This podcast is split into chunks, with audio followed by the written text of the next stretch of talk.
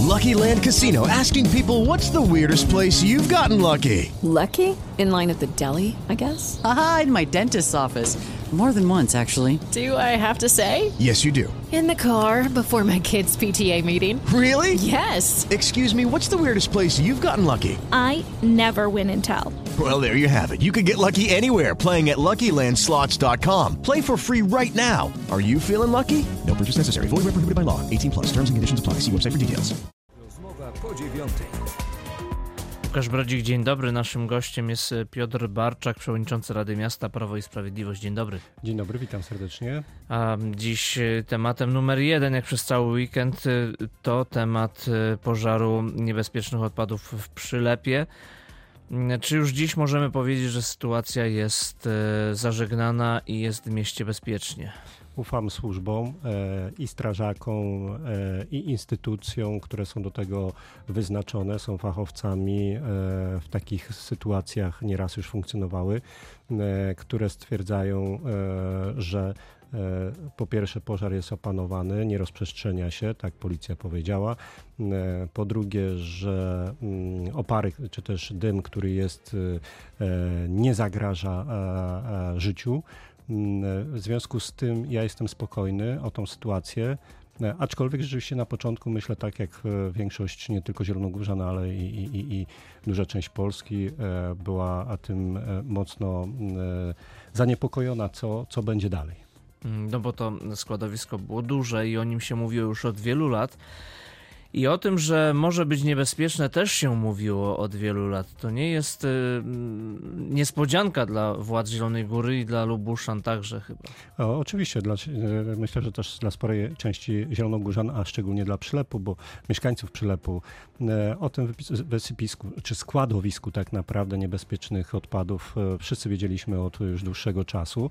Doskonale znamy e, też i genezę tej sytuacji. Ja myślę, że przez ten weekend nawet ci, co nie wiedzieli, to doskonale się dowiedzieli, chociaż a, No, przypomnijmy właśnie, tą jest- genezę, bo to warto, warto pamiętać, y, skąd te odpady się tam wzięły i kiedy, Tak, i to i jest od kiedy one tam leżą. E, W roku 2012 została wydana decyzja przez ówczesnego starostę. Wówczas jeszcze e, Przylep nie był w granicach miasta, e, administracyjnych granicach miasta Zielona Góra.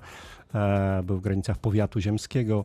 E, Wydaje to starostwa e, z upoważnienia starosty pana Plechana, czyli starosty z Platformy Obywatelskiej.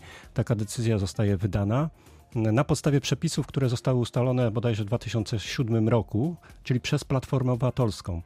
E, Przepisy dosyć dziwne, bo mm, e, e, umożliwiały składowanie, po pierwsze, i, niebranie odpowiedzialności przez firmy, które tak naprawdę potem znikały, i właśnie tak było tu w tej sytuacji. Natomiast problem został przerzucany, zgodnie z ówczesnymi przepisami prawa, na samorząd. W związku z tym, po połączeniu po, miasta i gminy, a także i ten, że tak powiem w cudzysłowie, e, niechciany spadek otrzymaliśmy jako miasto Czyli firma e, składowała tam odpady, e, zniknęła, w związku z tym przeszło to na gminę Zielona Góra. Gmina Zielona Góra po, po, po, łącząc się i tu prezydent ma zarzut do gminy czy do, do starostwa, że nie poinformował Zielonej Góry przy momencie połączenia, że takie kukułcze jajo w spadku otrzymujemy. Dokładnie tak. I to, te przepisy między innymi powodują ten brak odpowiedzialności tak naprawdę ze strony e, nieuczciwych z kolei przedsiębiorców, którzy w, szczególnie wówczas właśnie powoływali takie spółki bardzo często tylko po to, żeby właśnie w taki sposób działać i przerzucać tą odpowiedzialność. No i A- zarabiać na tym miliony. Do, dokładnie tak. E, W związku z tym rzeczywiście e, powstał problem. E, Było poszukiwanie też różnych źródeł finansowania. E, Przecież także i państwo e, jako Radio Zielona Góra, Radio Zachód, także różne inne instytucje prowadziły programy na Wielokrotnie tam byliśmy przecież razem, także pan uczestniczył w tych programach, gdzie podnoszony był ten kłopot. E, No ta bomba z opóźnionym zapłonem, którą nazywali chociażby mieszkańcy e, to miejsce. No i ta bomba wybuchła e, już nie tak mówiąc bardzo obrazowo, a wprost. Niestety, niestety. E, Też poszukiwanie było środków na to, żeby utylizować, bo te, te pieniądze były bardzo też duże i, i bardzo często zmieniane przez nawet tych, którzy mogliby to zutylizować, czyli firmy, instytucje, a właściwie firmy prywatne, te, które mają pozwolenie na taką uty- utylizację. Ich było tak naprawdę niewiele w całej Polsce i z którymi były prowadzone rozmowy. Było poszukiwania mm, e, e, tych środków, żeby to zutylizować. E, więc tu problemów jest tak naprawdę kilka. Kwestia najpierw wydania, dziwne e, wydanie po- pozwolenia bardzo szybko przez ówczesnego starostę. Przepisy, które przez Platformę e, Obywatelską zostały wprowadzone, m, e, one są teraz zmienione, żeby też Państwo wiedzieli. W tej chwili odpowiada za odpady ten, kto przywiózł i ten, kto składuje. I tak to powinno być. Jeżeli Ci ktoś nie dopilnuje terenu. tego, e, dokładnie tak, lub firma składująca. I to jest Mhm. bardzo istotne. Natomiast e, dzisiaj mm, e, największy myślę, że problem i chaos e, został wywołany przez działania polityczne i tu trzeba powiedzieć wprost, szczególnie pani marszałek Polak, przez Platformę Obywatelską. I, e, bo jedna tragedia to jest wybuch tego e, pożaru. Rzeczywiście, kiedy jeszcze w tym momencie nie do końca wiemy, co tam jest, e, jakie substancje się unoszą ze spalania tego i już wprowadzanie, kiedy kończy się sztab kryzysowy, kiedy są omawiane rzeczy, wychodzenie tak naprawdę przed osoby, które są upoważnione do e, wypowiedzi w, ramach tego sztabu e, kryzysowego i wprowadzanie moim zdaniem celowo chaosu, paniki, bo na tym zależy dzisiaj Platformie w każdej dziedzinie życia, żeby ludzie się bali, żeby byli skłóceni, żeby na siebie narzekali. I to jest świetna forma do tego, kiedy nie jesteśmy pewni, e, są emocje, co, co będzie dalej. E, Więc to są dla mnie działania kompletnie nieodpowiedzialne. Pani marszałek e, województwa lubuskiego Elżbieta Polak, no skoro o tym rozmawiamy, e, podnosiła wątpliwość zarówno badania, które prowadziły służby, jak i również to, że nie było to realizowane w, w, w że tak powiem, skoordynowany sposób. E, Przypomina nam się trochę taka sytuacja związana z Odrą, kiedy pani marszałek znów e, o tej katastrofie ekologicznej czy uderzała te wysokie tony, że zatrucie po prostu będzie no, niesamowite. E, Panie redaktorze, do, do czego to- prowa- prowadzą takie, takie działania według pana? No właśnie, dla mnie to są rzeczy niebezpieczne. E, To one prowadzą do, do paniki. Jeżeli, nie daj Boże, ale w jakimś pomieszczeniu, e, w jakiejś hali dużej, na przykład podczas koncertu wy- wybuchnie pożar, wiadomo, że jest panika. Jeżeli ktoś w tym momencie powie, że e, jest e, coś bardziej niebezpiecznego niż w tym momencie jest, wtedy potrzeba spokoju, potrzeba szybkiej ewakuacji ludzi. E, W takich sytuacjach mówię e, dla przykładu. I ktoś celowo e, wywołuje panikę, ktoś, kto pełni funkcję dość ważną, wydawałoby się, czyli marszałka województwa, to tak naprawdę działa na szkodę tych ludzi, którzy tam się znajdują. Więc dla mnie takie nieodpowiedzialne wypowiedzi to nie są uderzanie w wysokie tony, tylko są celowym wywoływaniem paniki i on takie rzeczy powinny być zwyczajnie karane. Marszałek teraz- Polak napisała też na Twitterze, że zielonogórskie ulice są puste, e, chociaż RCB, czyli to Centrum Powiadamiania, na które dostajemy SMS-y informacją, że e, jest zagrożenie i trzeba zamknąć okna, odwołujemy zagrożenie, e, e, odwołało alerty, nikt im nie wierzy, napisała pani Elżbieta Polak. W takim razie, e, według pani Polak, my nie powinniśmy wierzyć e, ostrzeżeniom e, realizowanym, które każdy z nas może dostać na komórkę i które w bardzo szybki sposób potrafią nas powiadomić. Czy pani marszałek w takim razie nie, nie wywołuje takiej sytuacji w, w ogóle w, w Polsce, podważając to, co robią służby, jakiejś takiej anarchii i mówienia, że my tu nie mamy właściwie czego szukać, nie mamy rządu, który nas, e, który nas chroni, informuje. No ale to, to, to jest zadziwiające, bo to nie tylko chodzi o rząd, ale to chodzi o te służby. To znaczy ona nie wierzy strażakom, ona nie wierzy e, e, wojewódzkiemu inspektorowi ochrony środowiska, ona nie wierzy instytucjom wojskowym który, i pracownikom laboratoriów, które, którzy mają, którzy robią badania. E, No, ja- pyta o certyfikaty w dniu, kiedy te służby informują, że no, jadą przecież wojskowe, to były służby przecież wysłane przez Ministerstwo Obrony Narodowej, specjalna jednostka Poznania tutaj przyjechała. Pani marszałek pyta, jakie oni mają certyfikaty. No i to jest niepoważna osoba na poważnym stanowisku. E, dlatego takie osoby, e, tak jak powiedziałem, w ogóle nie powinny zajmować takich stanowisk, a przynajmniej nie uczestniczyć w takich e, działaniach, bo to one, one tylko utrudniają akcje ratownicze. Mhm. E, a, a nie pomagają tak naprawdę. W akcji ratowniczej potrzeba spokoju, potrzeba powagi i e, trzeba znać się trochę wcześniej na takich sytuacjach. Natomiast absolutnie w moim przekonaniu pa- pani Polak i co więcej, niestety do tego dołącza właściwie e, e, większość działaczy Platformy Obywatelskiej do tego, żeby właśnie wywoływać ten cha- chaos.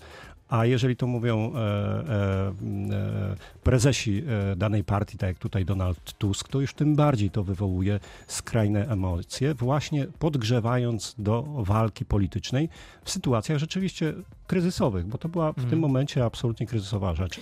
I mnie to bardzo mocno zaskakuje, chociaż e, może, może już coraz mniej, bo pani Elżbieta Polak właśnie to, co wspominamy, nieraz już się tym e, wsławiła w cudzysłowie, bo jeżeli mówimy o zeszłym roku i o Odrze, kiedy mówiła o tym, że tam jest rtęć i że to jej powiedział kolega z Niemiec, że e, brakowało skali, kiedy to badali, a potem on sam mówił, że nic takiego nie powiedział tej pani, no to jest zaskakujące tak naprawdę. E, I to jest problem, że to nie jest tylko kwestia walki politycznej, ale ktoś ma chyba takie dziwne myślenie. Ja nie wiem, jak długo będzie można tak straszyć e, Zielonogórzan, Lubuszan taką nieodpowiedzialnością.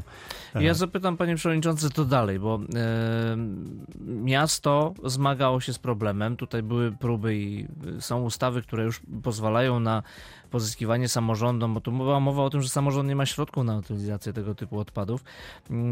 Tutaj rozmawiałem wczoraj jeszcze z posłem Jerzym Materną, który wspominał, że już kilka razy e, z przedstawicielem miasta w, w Narodowym Funduszu Ochrony Środowiska był, by takie wnioski poskładać. No nie zdążono e, z tą sprawą, e, by się tych odpadów e, pozbyć. To ja zapytam, co dalej.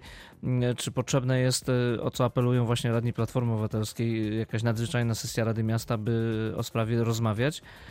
E, Zresztą nie tylko oni. E, Czy e, miasto powinno tu podjąć jakieś określone kroki, by usunąć skutki także tego pożaru? A Więc dwie rzeczy. Jeżeli chodzi o finansowanie, tak jak powiedziałem też wcześniej, rzeczywiście poszukiwania było od dawna. Ja sam osobiście wielokrotnie też zabiegałem i mówiłem. Zabiegałem również w Urzędzie Marszałkowskim, to o tym wspominaliśmy, ponieważ Urząd Marszałkowski dla miasta zabiera w wielu innych sytuacjach pieniądze, choćby o ZIT-ach, o których już mówiliśmy i, i ponad 100 milionach złotych, e, właściwie 150, jak e, jeden z urzędników miasta wyliczał i było to przedstawiane również.